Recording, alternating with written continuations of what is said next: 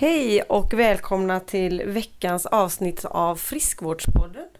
Det är lite annorlunda idag för jag är faktiskt själv här i rummet med veckans gäst och Kajsa är inte här. Och jag, vi hade tänkt att ringa upp henne men jag tror inte hon kan det för ehm, hon har en föreläsning om just kost ute på ett företag i eh, Uppsala tror jag det var.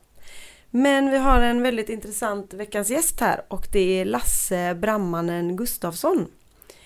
Och eh, han är ju väldigt speciell och det som har hänt är också speciellt. Och sen är det ju också att man har följt honom länge för min eh, pappa var också brandman och vi tror när vi pratar här att det kan vara att jag har fel men jag tror faktiskt min pappa var med den här dagen när det hände. Ja, just det. Vi Den tror här, den här natten. Ja, datten, dagen kanske inte ens var. Men eh, nu säger vi hej till Lasse och så bara vi kör du och jag.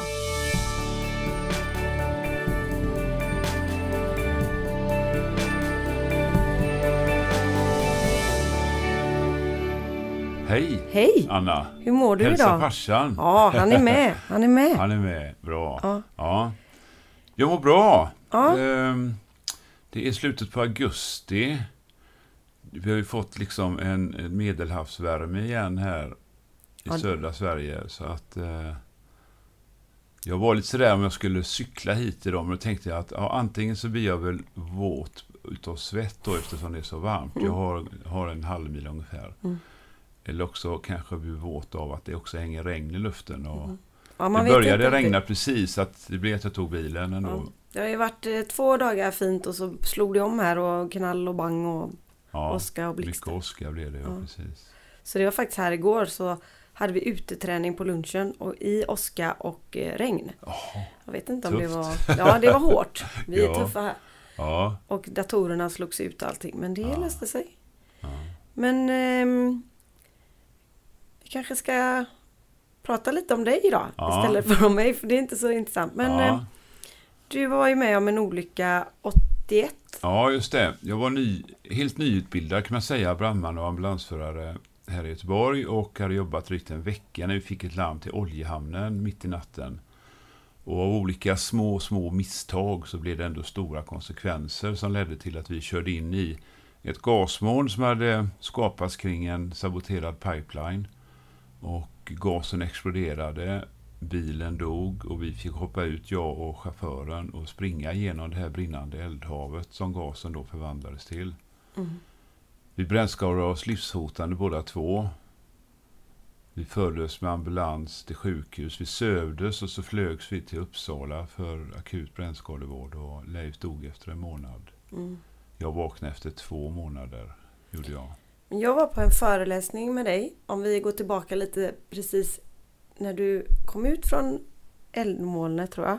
Och det var någon som tog hand om dig. Ja, Vad det har betytt. ja, Och hur Ja. du tänker ibland hur det betyder hur människor är mot varandra. ja och, visst. Han hette Rolf, den personen. Det var en, en, en man i 50-årsåldern ungefär som stod och väntade vid polisspärren med sin fru på att det här gasmolnet skulle liksom vädras bort. Gasläckan skulle stoppas så att de skulle kunna gå hem igen. För deras bostad var inom avspärrat område där Mm. det så fanns en explosionsrisk. Mm. Och när vi då körde in i det här eldhavet och kom, eller förlåt, körde in i gasmolnet och kom utspringandes ur eldhavet så blev det faktiskt så att Rolf var den som tog hand om mig på ett väldigt, väldigt föredömligt sätt. Han, eh, han sprang inte in i eldhavet men han tog faktiskt en viss egen risk när han kom mig till möte. Så det blev också sekundära explosioner, till exempel när bensintanken exploderade i brandbilen och, Mm. och så vidare. Men han hörde rop på hjälp och han kände starkt inom sig jag måste hjälpa till. Och du vet, där, den där rösten kan vi alla höra från och till, va? att någon borde göra något. Mm. Och då är kanske någon just du, Mm. eller jag. Och det kände Rolf att det var han. Så en polis tog hand om Leif, jag blev händertagen av Rolf. Och han höll i mig, han pratade till mig och han hjälpte mig med mina kläder där det fanns mycket värme då, magasinerat efter att vi hade sprungit ut genom den där brinnande gasen. Och det har jag förstått senare i livet, särskilt när jag utbildat mig i debriefing eller krishantering, att att det är det första mänskliga mötet man får när man befinner sig i någonting som är chockartat eller kaosartat. Det är väldigt viktigt för den mentala återhämtningen. Och man kan säga, det är en form av själavård att man möts av en medmänniska som Mm. ser en. Måste inte vara en välutbildad psykolog eller något sånt här, men en medmänniska som ser en och som kan finnas där för en, som Rolf gjorde för mig då, och även hans fru. Mm. Det var betydelsefullt. Han gav mig en, en Trygghet en, kanske? trygghet Ja. i, i, i liksom ett oändligt kaos. Ja. Ja. För jag tänker om man ska liksom likna det lite, det här att det inte behöver vara det värsta. Utan det kan ju vara så att man behöver trygghet i alla situationer människor tar hand om. Alltså det här Ja. mänskliga beteendet. Ja. Hur viktigt det är. Tänk när vi bara en sån grej som alla som är stressade och, och liksom rids av en oro sådär och så kanske man möts av en kollega som, som ser en. Mm. Och säger, Hej, hur är det? Mm. Kanske lägger sin hand på axeln liksom sådär med ett, som ett stöd så va. Oh, vet du, just nu så är jag... Ja, så kanske Ja, man får det- chansen att uttrycka någonting och sen tack för att du frågar liksom. Ja. Och så repar man ofta lite kraft genom att man blir sedd bara. Är, nu kommer vi från ämnet men jag tänker att det är både stort och smått som Ja. man behöver det här EQ brukar jag. Ja, Bättre än IQ ibland. ja, Att ja. man får den här känslan i magen att någon tycker om en. IQ utan EQ, det kan bli väldigt kallt, alltså kliniskt. Ja, det blir väldigt hårt kanske. Det behövs både och va. Mm. Men du, eh, jag kommer så väl ihåg, jag är ganska dålig på att lyssna på föreläsningar för jag kan bli lite rastlös, jag har lite pirr i benen precis som min pappa. Men, men det satt man ju verkligen kvar för du har också på något sätt fått in humorn. Hur klarar man det? Att du kan ju skoja, eller är det en Hur över- klarar man sig utan Ja, humor? så, det var ju kanske korkat av mig. Men är det, en, det är också en överlevnadsinstinkt att vara lite insiktsfull och själv... eh, Ja. Självironi, ja. självdistans. Mm. Det är, det, är ju, det är en stor skillnad på att skratta bort någonting och att kunna liksom lite grann med värme le åt kanske sig själv i en viss situation och sådär va. Mm. När man skrattar bort något, då är det mer ett försvar som gör att man kanske vill hålla distans genom att skämta bort det. Mm. Men det finns ju ett sånt där, ett sånt där uttryck som säger tragedi plus tid är lika med komedi. Mm. Och det innebär att, att går det en viss mängd tid, då kan man till slut le åt det. Man kan skratta åt det. Mm. Och så, så kan det vara till exempel när man har genomgått en skilsmässa, att man liksom man, man tyckte liksom att det var livets bråddjup man stod inför kanske. Och det var det känslomässigt Mm. för väldigt många slitsamt som tusan. Men sen när man väl har kommit ur det så kan man titta tillbaka och så kan man nästan le åt var, varför, varför gjorde jag inte det tidigare? Varför gjorde inte vi det tidigare? Mm.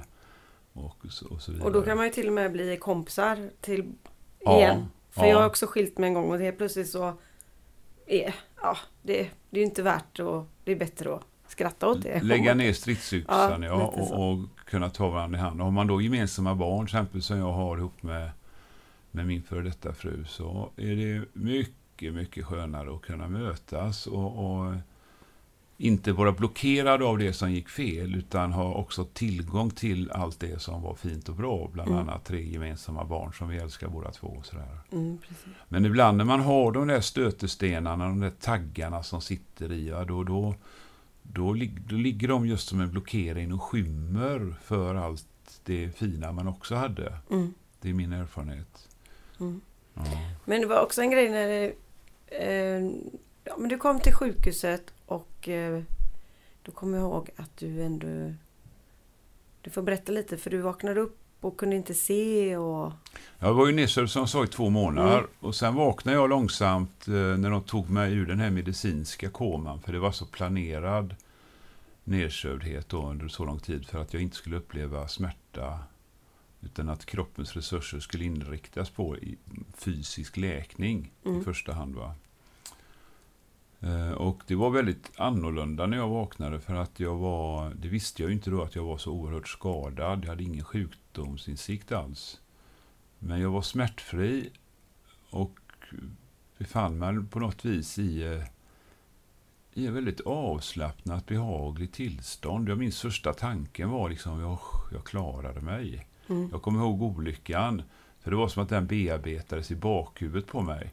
Men framför bakhuvudet så kunde jag liksom betrakta den bearbetelsen. Jag vet inte riktigt om det är if it makes sense. Eh, sådär. Men, men man kan vara på olika platser i sitt medvetande. Mm. Jag kan vara här och nu i samtalet med dig, men jag skulle också på sätt och vis kunna sitta lite grann och planera helginköp. Eller hur? Ja, Då är ja. jag på en annan plats i mitt medvetande och Mm. ändå kan jag fortfarande ha, ha det här samtalet. Och, och så var det alltså att min hjärna var liksom som två hårddiskar minst när jag vaknade. Den ena hårddisken höll på att bearbeta den här ohyggliga olyckan.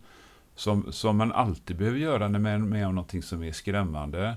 Man behöver lägga det pusslet. Mm. Jag brukar använda den metaforen att det var som ett tusenbitars pussel. Ett enda, en enda röra med fragmentariska intryck. Och de behövde jag liksom, jag behövde ta i varje liten bit, vända rätt sida upp och lägga den på rätt ställe. Kan du se den bilden? Mm, mm. Och ta i innebär att man måste liksom vara väldigt nära eh, den här biten. Man kan inte med distans då smygtitta runt hörnet på det bara. Va? Ibland kan man behöva ha det perspektivet. Mm. När man jobbar till exempel med fobier så, så kan man inte gå rätt in och hålla i en orm om man nu har ormfobi. Nej. Utan man får liksom börja försiktigt med kort på en orm på långt håll och sådär. Ja. Men så får man närma sig då tills man till slut kan ta i den där biten. Och vända rätt upp, sida upp, det innebär, det, det finns ett annat uttryck att, liksom att vända på varje sten. Alltså att man måste titta under stenarna. Man måste titta på hela den här pusselbiten och se hur den passar så att du får en klar bild så Mm. småningom. Och det fräcka är att när man har lagt sista pusselbiten i ett pussel då brukar det ofta komma en förnöjsamhet och sen kan man gå vidare, eller hur? Mm, mm. För då har du bilden klar. Mm. Och när du har en bild klar, ja, men då förstår du. Och Ja. då kan du släppa det. Men så länge som det finns opusslade bitar så är det väldigt svårt att lämna det. För att det ligger där och gnager. Alltså, det är på grejer här jag inte riktigt fattar. Mm. Hur kom det sig att bla bla bla så här då va? Och det tror jag tyvärr att många människor är aningslösa och, och, och, och lite snåla eller bittra på varandra i skilsmässor. Att man ger inte varandra sanningen. Nej. Man ger inte varandra alla bitarna. Och då kan det också vara svårt för en partner som känner sig sviken kanske att, att få, stå, få, få förstå hela bilden av varför det blev som det blev. För några bitar håller den andra på, kanske på grund av skam eller eh, jag tänker inte bjuda dig på detta för jag är sur nu. Är du Ja. med? ja, jag fattar precis. typ av småaktigt beteende som man kan säga när man är distanslös och helt humorbefriad. Ja. Då kan man hålla på de där grejerna va? bara Ja. för att liksom pina lite extra. Mm. Och eh, då är det svårt att gå vidare hel och Mm. hållen. Men får du hela bilden som jag fick då så småningom tack vare den här bearbetningen så kunde jag släppa den här olyckan, jag kunde gå vidare och som du vet så kunde jag också återgå till brandkåren Mm. efter två års sjukskrivning och jobba som utryckningschaufför. Så jag körde brandbil sen i sex år ungefär. Va? Jag kunde inte jobba som rökdykare och ambulansförare för man måste liksom ha friska händer för Mm. att kunna hantera skadade eller medvetslösa människor. Och det, eftersom jag egentligen bara har två halva tummar kvar som fungerar på mina fingrar så räcker inte det till för att hantera människor på ett säkert sätt. Men det räcker absolut till för att köra brandbilar på ett säkert sätt. Mm. Men det måste ju också varit en... Att få fortsätta vara med sina vänner. Ja, ja. Och liksom kunna det. Och också en del i bearbetningen Ja. ska jag, kan jag säga dig. För att det finns ju ett uttryck som heter att ett bränt barn skyr eld. Mm. Och det är sant så länge som den smärtsamma upplevelsen inte är bearbetad. Ehm, och då kan man liksom bygga in som en överreaktion. Man, man kan nästan bli att man blir allergisk mot liknande saker. Mm. Och i och med att jag fick chansen att bearbeta mycket för att det kom kollegor och hälsade på mig på sjukhuset och de ställde liksom inte några analytiska frågor liksom Lasse, vill du berätta om olyckan? Det var inte så va, men de, de fanns vid min sida och när jag började hitta ord på det här pusslet va, så, så eh, kunde jag börja verbalisera Och att prata ut om en grej är ju ett sätt att få det ur sig. Mm. Och när du får det ur dig, och då får du också en annan typ av distans mot om du bara försöker förtränga det eller skratta bort det. Mm. Så de här samtalen som jag hade med kollegor som hade en intuitiv upplevelse och väldigt fin medkänsla för mitt behov av att prata om detta. Det var så själsligt läkande för mig. Mm. Och det gjorde mig också motiverad att efter två år återgå och känna att det är en revansch för mig att kunna köra brandbil och jobba på mitt gamla lag igen. Och Var med nu- i gänget liksom. var med i Ja. gänget, ja. Nu hade jag inte byggt upp några nära relationer på en vecka, som du Nej. förstår. Men det fanns en kollegialitet som var väldigt stödjande. Och den kunde jag liksom fortsätta att uppleva på ett väldigt fint sätt. Och, och under de sex, sex åren som jag jobbade då som chaufför så, så blev jag ju personlig vän med i synnerhet eh, några Ja. utav dem som var jämnåriga med mig på laget. Och vi, vi tränade ihop på fridagar och vi hade fest med våra familjer och sådär. Och Flera av dem umgås jag fortfarande med fast Mm. jag har slutat sen, sen 20 år tillbaks. Ja men jag tror att eh, det är lite så här att pappa på fredagar promenerar med gamla. Ja, uppe i Delsjön. Ja. Ja. Jag tror han håller på Det med vet jag. Det, Ja. det träffas eh, ett gäng pensionärer. Ibland är det många.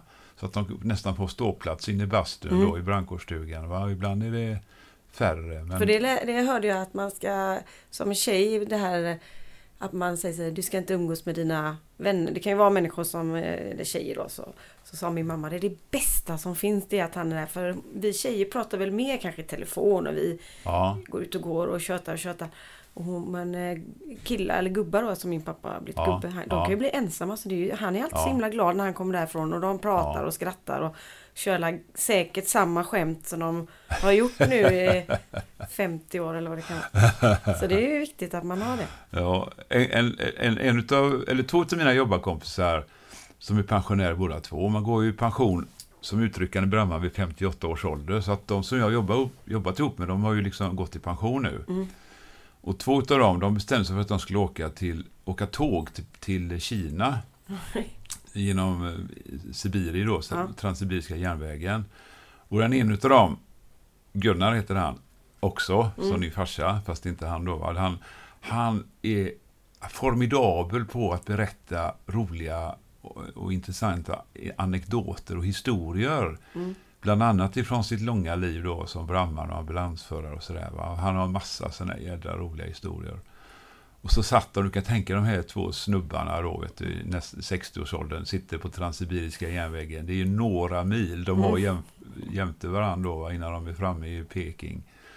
Och sen någonstans mitt långt bort i Sibirien så säger Håkan till Gunnar, Gunnar, du har redan berättat den här historien. Så säger Gunnar, jag vet, fast jag har glömt till vem. Så så mycket självinsikt har han i alla fall. Han vet att han har tuggat runt den en gång, men den är jävligt bra, så vi tar den en gång till. Ja, men jag kan tänka mig det. För det är man, ja, man har ju lärt känna en del av de här gubbarna. För min äldste son älskade att hänga hos morfar. Ja. Så jag, vi var där ibland på lördagar för han älskade brandman, då var han ju liten. Men det var ju eh, mycket tugg. Ja, Så man förstår ju att Ja. ni har haft väldigt roligt ja, också. Och Ja. eh, mycket, men också det här att man blir väldigt tajt för det händer ju hemska saker mm. i arbetet. Och man är beroende av varandra i Mm. de här utmanande situationerna. Absolut beroende av varandra. Eh, Man måste kunna lita på sin kollega när man är inne i någonting där det föreligger liksom stor risk för eget liv. Mm. Då måste jag veta att min kollega har lite koll även på mig. Mm. Ifall jag får en bjälke i huvudet eller vad det nu För kan det är ju vara. lite intressant nu när vi, vi sitter faktiskt och pratar med en tjej nu som jobbar med att ändra lite kulturen ute på företag. Och en grej som vi pratar om var att de litar inte på varandra. För man, man är inte ärlig. Och just det Ja. att eh, inte lita på folk. Och då, nu fick, kunde du få en eh, brinnande bjälke i huvudet. Eller, men det kan ju också vara att man ska lyckas med affärer eller här, att alla går bakom ryggen. Det kunde ju inte ni göra. För då Nej. åkte man väl ut liksom. Ja, jag känner ju inte igen det där med att man går bakom ryggen på varandra. Absolut inte. Utan vi spelar innebandy ihop eller fotboll eller tränar ihop. Det ingår ju i det här yrket att man får lov att träna på varje arbetspass när man Mm. är heltidsanställd brandman. Mm. Och det gör ju att man knör och svettas ihop och, och, och, ibland så är det någon som har lite, lite kanske, ska man säga, dålig tävlingssinne och, och blir irriterad och sådär va. Men det var också ett sätt att lära känna varandra när det hettar till. Mm. För vet jag att, att eh, Nisse, om vi liksom tar ett fiktivt namn, vet jag att när, när Nisse börjar bli trött, då blir han förbannad. Men Arne, han blir mer inåtvänd. Mm. Om jag vet det, om jag kan mina kollegor, hur de blir när de börjar gå på gränsen, mm. då kan jag också se under en insats att nu börjar Nisse reagera med ilska. Han börjar nog gå i, liksom tappa, han har inga marginaler kvar snart. Mm. Och nu börjar Arne bli tyst och inåtvänd. Nu har han inga marginaler kvar snart. Mm. Så att man behöver lära känna varandra. Mm. Och du vet när man jobbar som brandman, då jobbar man både på julafton och nyårsafton och såna grejer. Så att man är ju väldigt mycket med sina kollegor. Mm. Man är nästan mer med sina kollegor än med familjen. Mm. Och då är det också viktigt på de här högtiderna som egentligen är familjära att man gör det mysigt mm. och trevligt för varandra. Va? Mm. Så att både i det här utmanande men också i det här fina så var det viktigt att man bjöd på sig själv och var delaktig och ville bidra på något sätt mm. så att det blev bra. Det borde ju vara så även på andra arbetsplatser, tänker jag. Man är ju mycket på jobbet. Ja. Så det borde ju vara samma. Ja, ja. Så allt behöver ju inte vara på liv och död. Det kan ju vara bara gött. Och vara snälla mot varandra. Jag jobbar också, som du berättade om din kollega här, jag jobbar också med kulturutveckling på företag. Och Det handlar mycket om personligt ledarskap initialt. Då, alltså hur agerar jag själv? Vilken attityd har jag? Mm. Hur öppen kan jag vara? Hur ärlig kan jag vara? Vad har jag för värderingar? Kan jag stå upp för mina värderingar? Sådana saker. Och Sen så handlar det om det formella ledarskapet. Alltså hur, hur, vad har vi för ledarstrategi i förändringar? Får vi med oss det fina i kulturen eller tappar vi bort det då? Och sådär, va? Mm.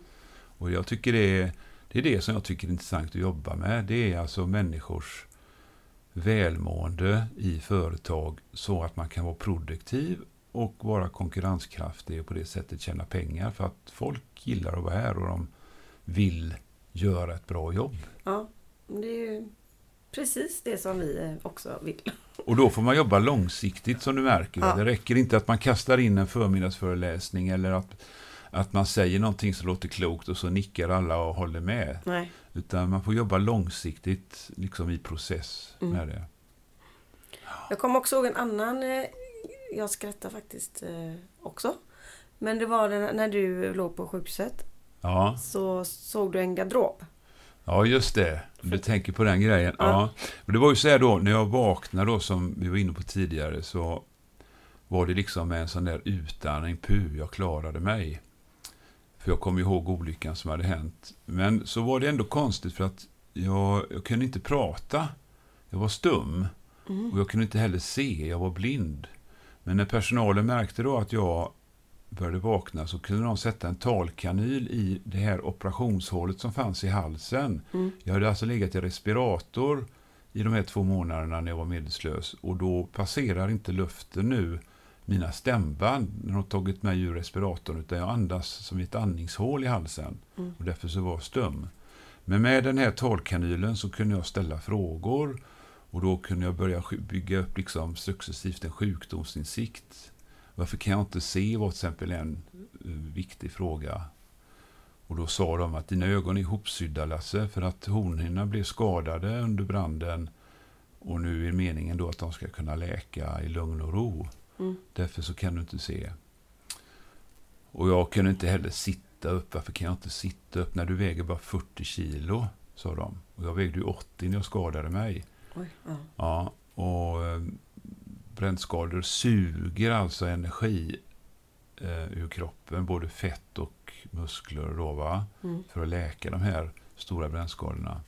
Så jag var mager, jag var knappt skinn och ben kan man säga. Jag var väldigt, väldigt svag. Jag kunde inte lägga mig på sidan själv fast jag hade liggsår på ryggen och det gjorde ont. Jag var stum som jag berättade, jag var blind. Så att väldigt mycket var mm. väldigt förändrat.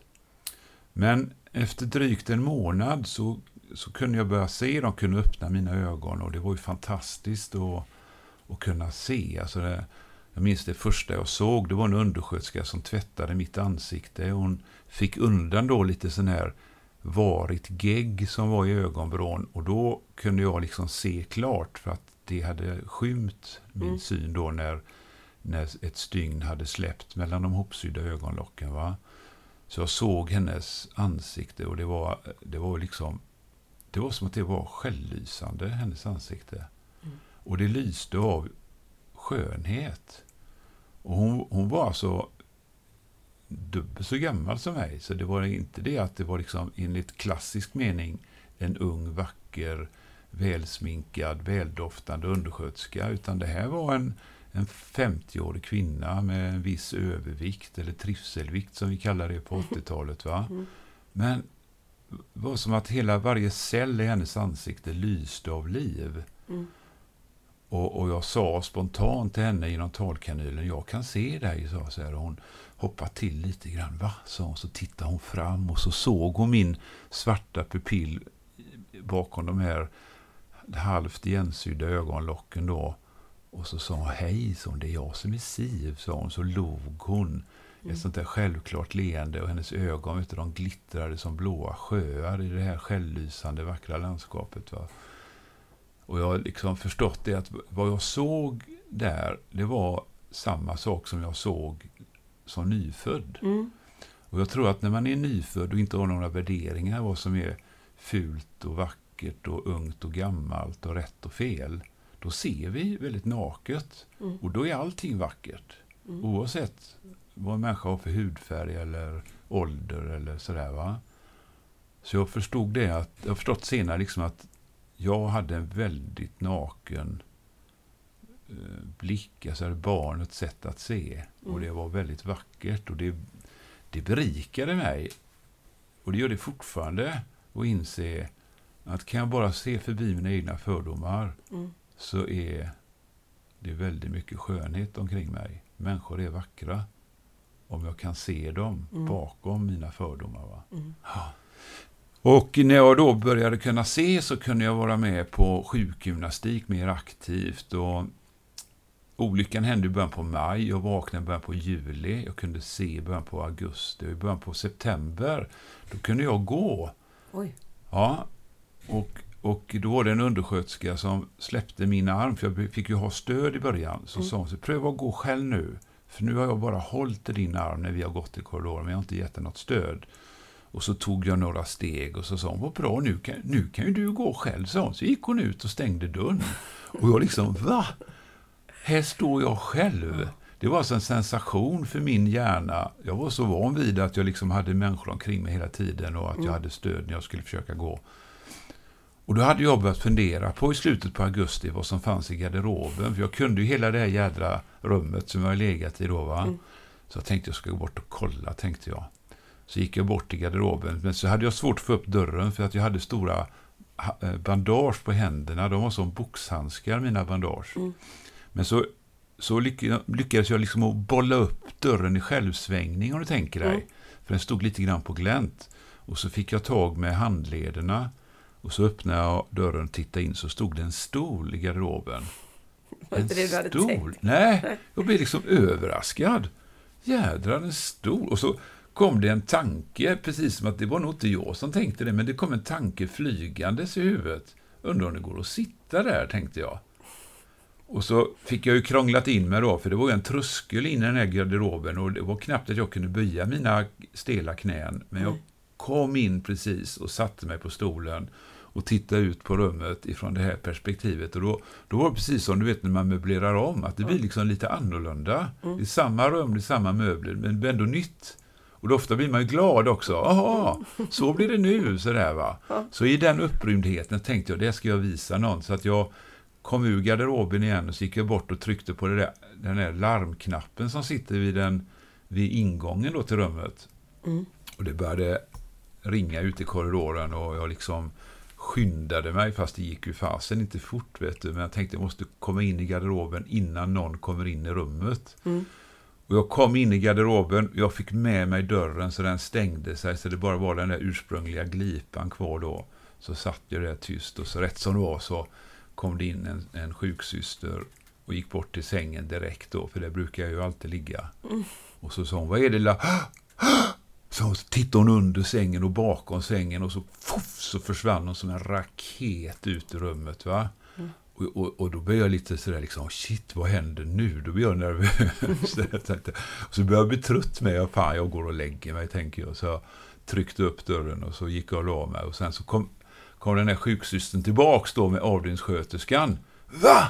Ligger du här, sa de liksom, typ anfodda då, båda två, som om de hade sprungit ett halvmaraton. Och jag tyckte det var uppenbart, så jag sa ju bara, ja, så jag sa.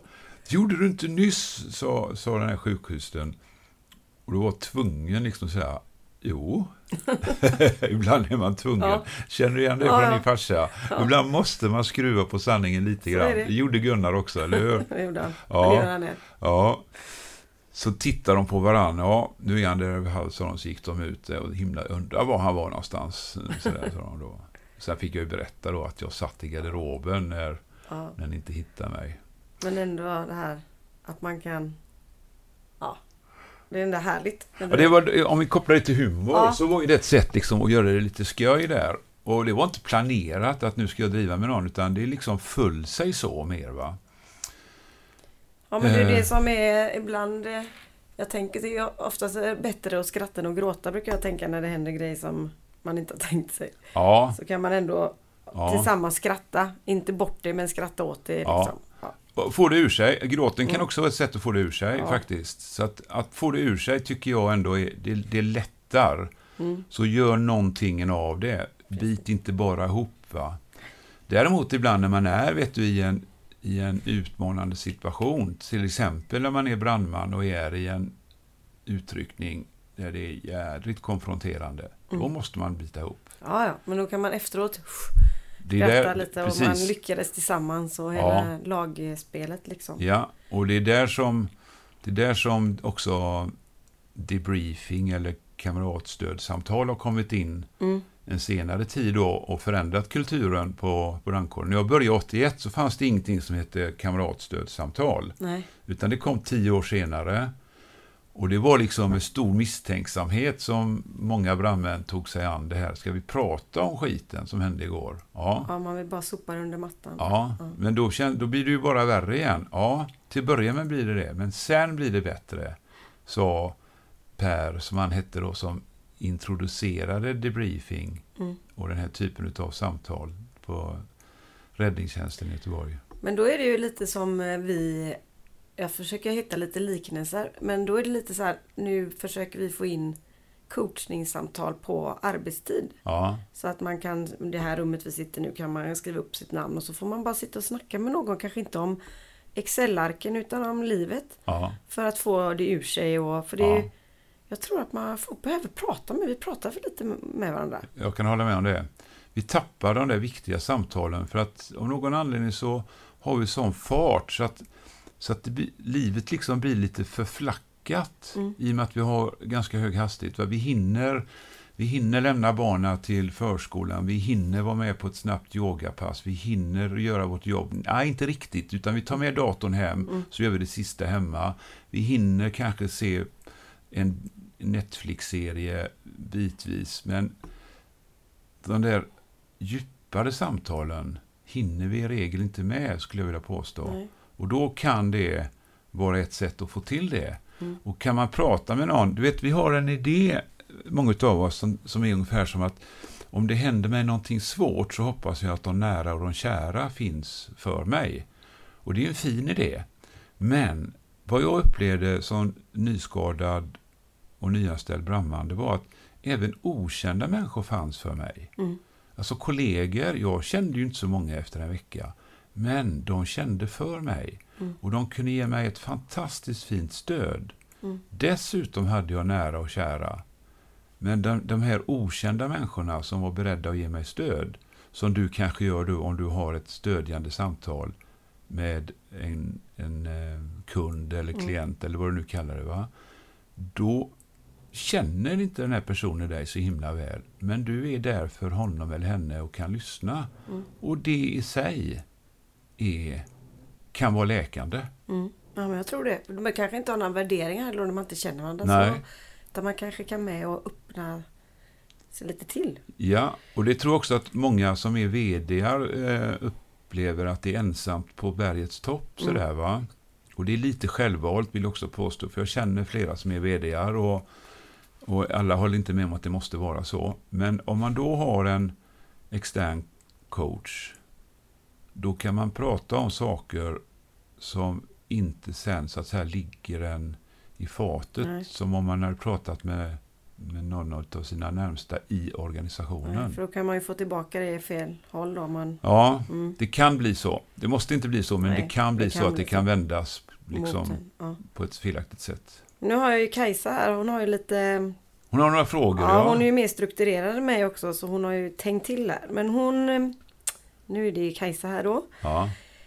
Eh, hon har lyssnat på Framgångspodden där du var med. Och det var väldigt mycket kloka saker tyckte hon som Oj du pratade om. Ja. Och då var det bland annat ett citat som hon fastnade för. ja. Ibland måste man göra det som är viktigt och bra även om det inte är så kul. Och då undrar hon om du kan utveckla lite det vad du tänker där. ja, ja. Ja, Är det, tror du att det är för att vi är rädda för motstånd eller vi vill dåliga på att kämpa eller? Hjärnan, hjärnan har ju lite olika eh, så att säga, funktioner. Den äldsta delen vill ju bara fly eller fäkta, reptilhjärnan. Mm. Det är den äldsta delen av vår hjärna. Den har, den har även reptilerna. Då, va? Sen har vi det här, den här, man kan kalla det för däggdjurshjärnan då, som tänker flock. Och då blir det väldigt lätt vi och dem. Mm. Och sen har vi den här yngre delen av hjärnan som vi kan kalla för människohjärnan som har förmåga att känna empati, att ha lite helikopterperspektiv, att kunna tänka inte bara svart eller vitt utan både och.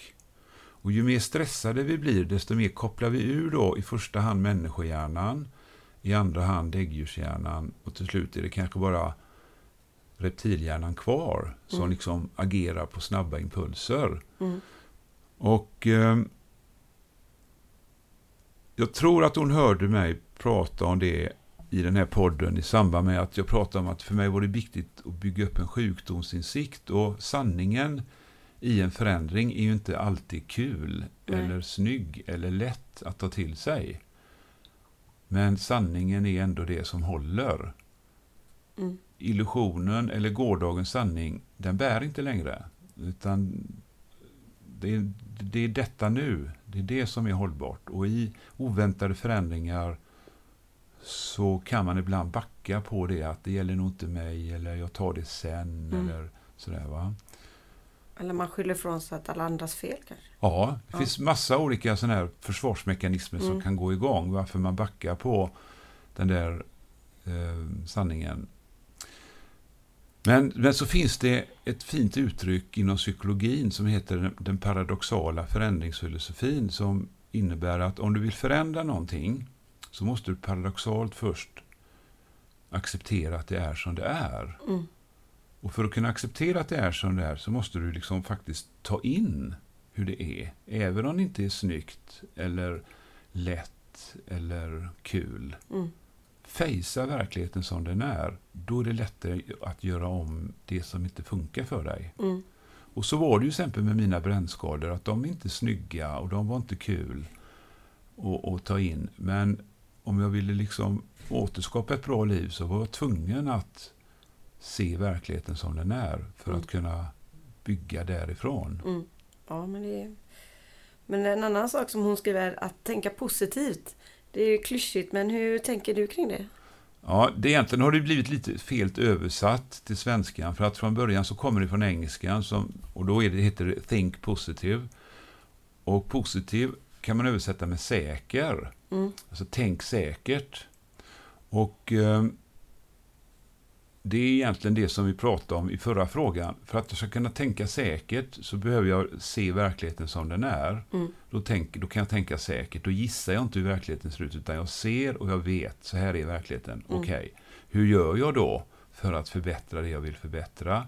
Och hur accepterar jag det som inte går att förändra? Mm. Så det är ett, ett nyanserat sätt att se, se på att tänka positivt. Jag tänker så här. eh, Jag, jag brukar alltid tänka i målbilder. Att jag ser... eh, Hur du vill ha det? hur jag vill ha det. Ja. Och så strävar jag åt det hållet. Och då är ju en annan sån här citat eller klyscha eller vad man ska säga. Det Ja. blir som du tänker. Ja, Och så träffar jag en, eller jag har en kompis, ganska nära vän. Och han har aldrig tänkt så. Och han är Nej. jätteframgångsrik. Och jag bara, men har du aldrig... Nej, jag tänker aldrig någonting. Jag bara... Men det måste man väl göra. Jag har gått och funderat på det. Han måste ha det. Fast han inte vet om det eller? men om man skulle röntga hans huvud, tror man hittar en hjärna där inne då? Antagligen gör Antagligen, och antagligen så finns det vissa funktioner som är igång i den hjärnan. Ja. Jag tror absolut att, att din kompis eh, tänker. Sen är frågan bara hur medveten man är om sina egna tankar. Ja. För att man kan vara väldigt grund och ytlig i, sitt, i sin självkännedom, Mm. sitt självmedvetande. Men man kan också fördjupa sitt självmedvetande och komma till insikt om, herregud, eh, vilken, vilken positiv energi jag har laddat in i den här målsättningen. Eller, eller herregud, vilken negativ attityd jag har till det här. Mm. Inte konstigt att det blir krångligt och att jag är på dåligt humör när jag ska Mm. ta mig an den här typen av uppgifter. Kan säga, det är precis självinsikt är ju rätt gött att ha också. Ja, Och det är ju en del när man är ute också som, eller när man pratar om sig själv, alla tycker jag är så snäll. Jag bara, men det kanske är svårt att säga om sig själv. Ja Borde det inte vara andra, eller kan man säga så om sig själv? Min Ja, mamma säger ofta det. Jag är absolut. så alldeles för snäll jag. Så det går dåligt för mig. Vem för säger det, Min du? mamma. Din mamma säger det? Ja. Ja, hon är för snäll. ja, det vet ju inte jag. Nej, men nej, hon det- tycker det själv Hon tydligen. tycker det själv. Ja. hon är i och för sig väldigt snäll. Men eh, bara för att vi också pratar mycket hälsa eh, på, hos oss på vårt jobb så kommer nästa grej från Kajsa och faktiskt den sista. Sen fick jag en till grej här att hon kan inte ringa upp. Hon är så ledsen och hon hon öns- jag ska hälsa och hon är väldigt ledsen för att inte hon är här idag. Jag hoppas att hon är lite glad att hon har ett jobb. Ja, hon jag tror hon är- föreläser ju faktiskt just nu. Jag tror hon är väldigt glad att Ja. där hon är också. Men hon Ja. man kan ju vara ledsen och glad kanske Ja. samtidigt. Ja. Men eh, när, när man var så skadad som du har varit och, och kanske är. Och, hur känns det att eh, hur känns det att folk har så lite fokus när det gäller sin egen hälsa och livsstil när du ser människor? Mm. Det är ju beklagligt egentligen med de fina förutsättningar vi har i vårt land att vi ändå orsakar oss rätt mycket lidande och Mm. ohälsa. Och det är ju mest psykisk ohälsa som vi orsakar oss eh, i vårt land. Vi dör ju inte av vitaminbrist eller dåliga bostäder eller att vi fryser ihjäl för att det är så jävla kallt. Va? Utan vi stressar sönder oss, skulle Mm. man kunna säga, väldigt förenklat då. Och det finns oerhört mycket kunskap och forskning och, och resultat kring hur man kan skapa en livsstil som är hållbar länge Mm. på ett hälsosamt sätt. Men det tar tid också, har det visat sig. Alltså du vet, från det att Columbus upptäckte att jorden var rund när han seglade till Mm. USA, eller Amerika rättare sagt, va? så tog det ju flera hundra år innan liksom, de flesta i Europa hade accepterat det. Mm. i världen. Och det finns Mm. fortfarande människor, bland annat i USA, som hävdar att jorden är platt. Ja. Men där finns ju... Ja, så att, så att jag menar, det tar tid att, Mm. att, eh, att det blir allmän acceptans kring nya rön. Mm. Och när det gäller då nya rön, när det gäller eh, stress och hur hjärnan fungerar, så finns det ju jättefin och tydlig forskning idag. Eh, Anders Hansen är ju oerhört populär idag, bland Han har annat också varit med, med i den här podden. Ja, Mm. bland annat med sitt sommarprat Mm. och sina fina böcker då, Mm. Hjärnstark och eh, Skärmhjärnan, där han beskriver detta så...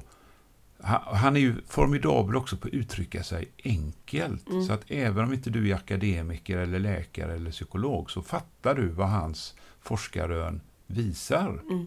Det är det också som är en styrka hos honom. Mm. Men trots det så är det som om att vi tappar bort det här och sen så skruvar vi åt tumskruvarna och så springer vi för att hindra en grej till.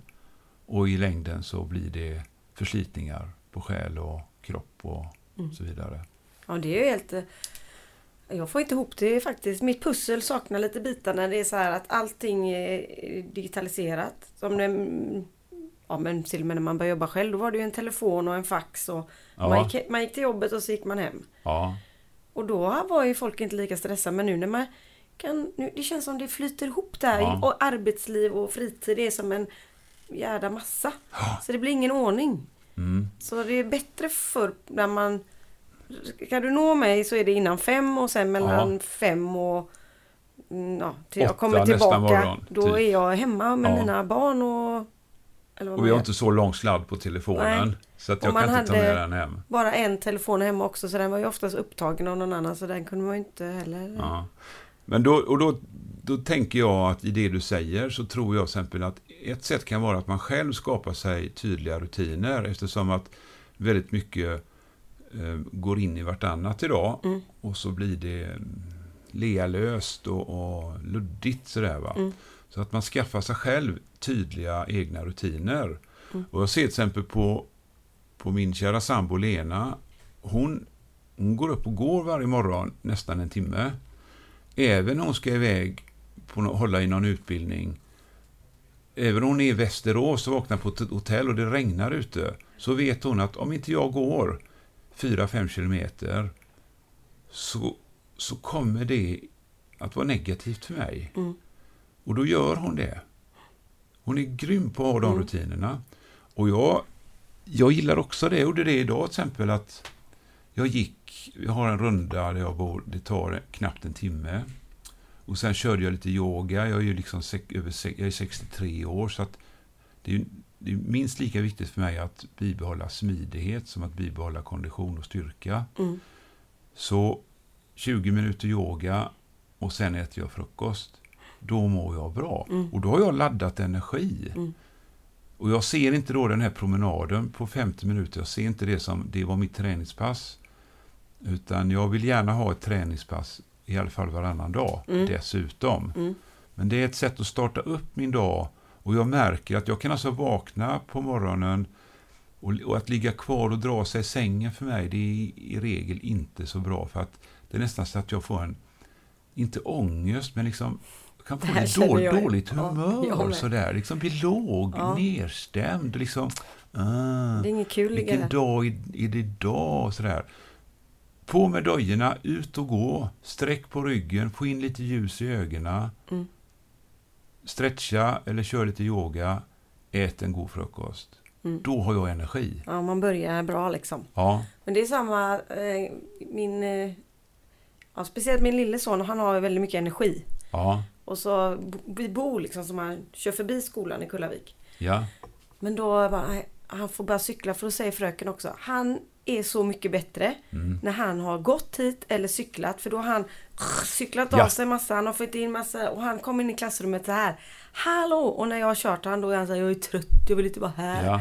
Så det är också det att man ska tänka på hur man Att barnen mår ju väldigt bra av rörelsen och det är ju inte träningspass. Det är ett sätt, det är de ska gå till skolan. ja absolut. Och det är gött att få lite regn i ansiktet, det är inte ja. farligt. Nej, tvärtom. Vi Det hade ju träningspasset här i åska och regn igår. Ja. Och det, man får ju kanske i åska, jag vet inte hur farligt det är. Men eh, regn är ju inte farligt. Nej. Jag brukar säga till folk, det är bättre än botox. Man blir så slät och fin det. Man kan ju lura ja. Ja. men jag tror också att om det är något träningspass som, som de som var med minns, Mm. så är det det. Tänk när vi stod och tränade och det åskregnade. Ja. Det minns man. Ja, precis. Ja, Det och man ångrar heller aldrig ett träningspass. precis så är det. Så att, eh, Precis så är det. nu har vi ju pratat på här i snart en timma. Ja, Så om vi sammanfattar eh, vårt eh, samtal som Ja, det- var extremt trevligt. Vi skulle kunna prata mycket mer. ja, Då är det ju kanske att man eh, ska vara positiv, lägga sitt pussel och få hjälp att lägga pusslet om man har en konflikt med någon annan kanske. ja. Så det, man förstår. För man har ju ändå grejer ibland man gör så de andra står och tittar för att man kanske inte riktigt vågar säga allt. Det är ju så. Jag tror också att det är bra att vara snabb där. Inte vänta för länge, utan Nej. försök att agera direkt va? innan den här lilla snöbollen har rullat på sig för många varv. Mm. Eh, Nu när jag åkte hit till dig till exempel idag så körde jag då från Billdal och, och så var det två lastbilar som stod stilla. Och en som hade lämnat av en grej, en stor ASG-lastbil och sådär. Och så backade den andra undan och jag körde in till den första då som fortfarande stod still. Men så hände ingenting. Vad, vad är det som sker liksom? Så hoppar jag ut då och så gick jag fram och så tittade jag upp till lastbilschauffören. Väntar du på någonting? Ja, det, vi kommer inte vidare. Så stod det då någon, någon sån här elservicebil Mm. mitt emot. Så gick jag fram till chauffören där. Du, jag tror att enda sättet att lösa detta det är om du backar till eh, mötesfickan där borta. Ja, jag visste inte hur hon tänkte, sa han och pekade liksom på chauffören då. Va? Men Mm. nu var vi ju två, tre bilar Mm. eh, på den raden.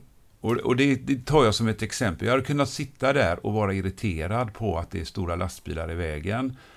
Eller hur? Mm. Och så bara byggt upp en dålig energi. Men jag kände direkt att jag vill ha lösning på detta. Jag vill inte komma för sent till dig. Nej. Och då gick jag ut och agerade. Och det kan jag se synonymt att när jag har det förhållningssättet till grejer som kan skapa dålig energi, då löser jag ofta det bättre än vad jag gör det direkt. Mm. Än att jag väntar och väntar. Mm. Men det, det kan man ju faktiskt också så är det ju. För att du vet ju själv, någon gång har man ju väntat och väntat och blir ju väldigt jobbigt. Ja, Men om man säger någonting med en gång så så är det inte så stort. då det, blir det inte så stort. Och då kan det till och med vara så att du säger så här, Manna, vi gör så här. Ja. Så hjälper du mig att lösa Ja. problemet tillsammans istället för att man ligger på natten och ångest eller vad man nu kan ha. Så då kanske vi ska avsluta med det då, att man tar hjälp av sina vänner. det tycker jag vi avslutar med. Tack så hemskt mycket Lasse, det var grymt. Gött! Jag ska hälsa från pappa, men det tror jag sa i början. Ja, det gjorde du. Tack, hälsa tillbaka Ja. säger jag då. Tack.